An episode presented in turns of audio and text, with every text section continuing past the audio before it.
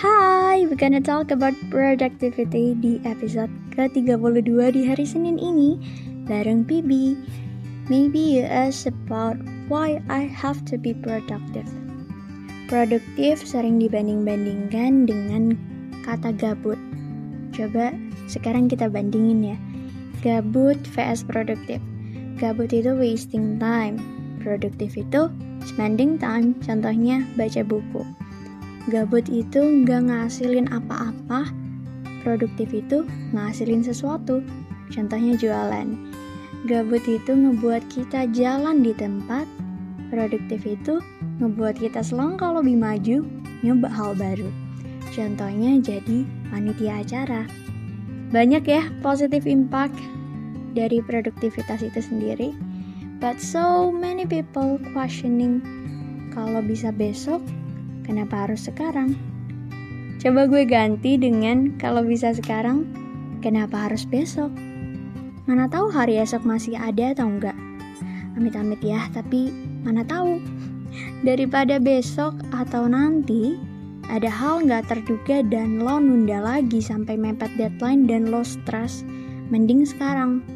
Pas nggak ada hal terduga, Pas masih ada waktu, kerjain aja. Gagal, berhasil, lama-kelamaan bakal jadi hal yang biasa kalau lo fokus sama pembelajaran yang lo dapetin dengan mencoba. Kontrol apa yang lo bisa kontrol, yaitu cari info tentang wawancara kerja daripada mikirin hasil wawancara yang gak bisa lo kontrol. Menurut gue, kesempatan yang datang di depan mata gak bakal datang dua kali. Mending nyesel karena nyoba daripada nyesel karena gak nyoba. So, the question is, dari mana mulainya biar produktif? First, know your goal. Ketika lo mau A, B, C, D, E, F, G sampai Z, ya udah lakuin. Jangan ansan impian lo karena omongan orang lain. Jangan ando impian lo karena kata-kata pikiran lo yang gue nggak bisa deh kayaknya kayaknya gue nggak mampu deh. Mendingan lo segera lakuin dan nyoba. Selagi masih muda masih panjang waktu belum ada tanggung jawab baru seperti pasangan dan anak cobain deh semua hal yang lo kepoin. Karena menurut gue itu hidup tentang explore hal baru. Contohnya kayak sekarang ini nih gue lagi nyoba pakai logat Jakarta guys. Lo gue gitu loh padahal aku biasanya pakai aku kamu gitu. Tapi kenapa nggak gue coba aja karena gue kepo gitu loh. Gue bisa bagus nggak sih ngomong pakai lo gue jadi nyoba aja gitu ya kan? Tapi poin yang kedua balik to the topic set batasan. Batasan ala lo bukan batasan yang diciptakan masyarakat. Bukan seperti yang orang lain bilang jadi ketua baru lo keren loh. Tapi kalau hati lo ngerasa cukup dengan jadi anggota aja udah cukup belajar banyak hal. Ya lakuin aja, jangan biarin orang lain ngatur hidup lo. Ini hidup lo, bukan hidupnya. Ya kan?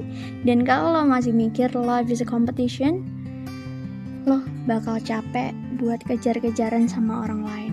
Kenapa? Karena ketika lo udah bisa nyalip satu orang ya, lo bakal bangga nih gue bisa ngalahin tuh orang gue bisa lebih dari tuh orang. Ciak di depan masih ada orang lagi. Lo harus nyalip orang itu lagi setelah di depan lo udah nyalip di depan lagi masih ada orang dan gitu terus yang lo lakuin. Lo nyalip sampai nggak tahu sampai mana garis finishnya. Jadi stop bandingin diri lo sama orang lain tapi bandingin diri lo yang kemarin sama yang hari ini dengan begitu, lo bakal selangkah lebih maju dari tahun lalu. Fokus sama diri lo sendiri, karena ketika lo fokus sama diri lo sendiri, lo bakal berkembang. Ketika lo fokus sama problem yang ada, problem bakal berkembang. Ketika lo fokus sama pencapaian orang lain, ya pencapaian orang lain itu terus berkembang.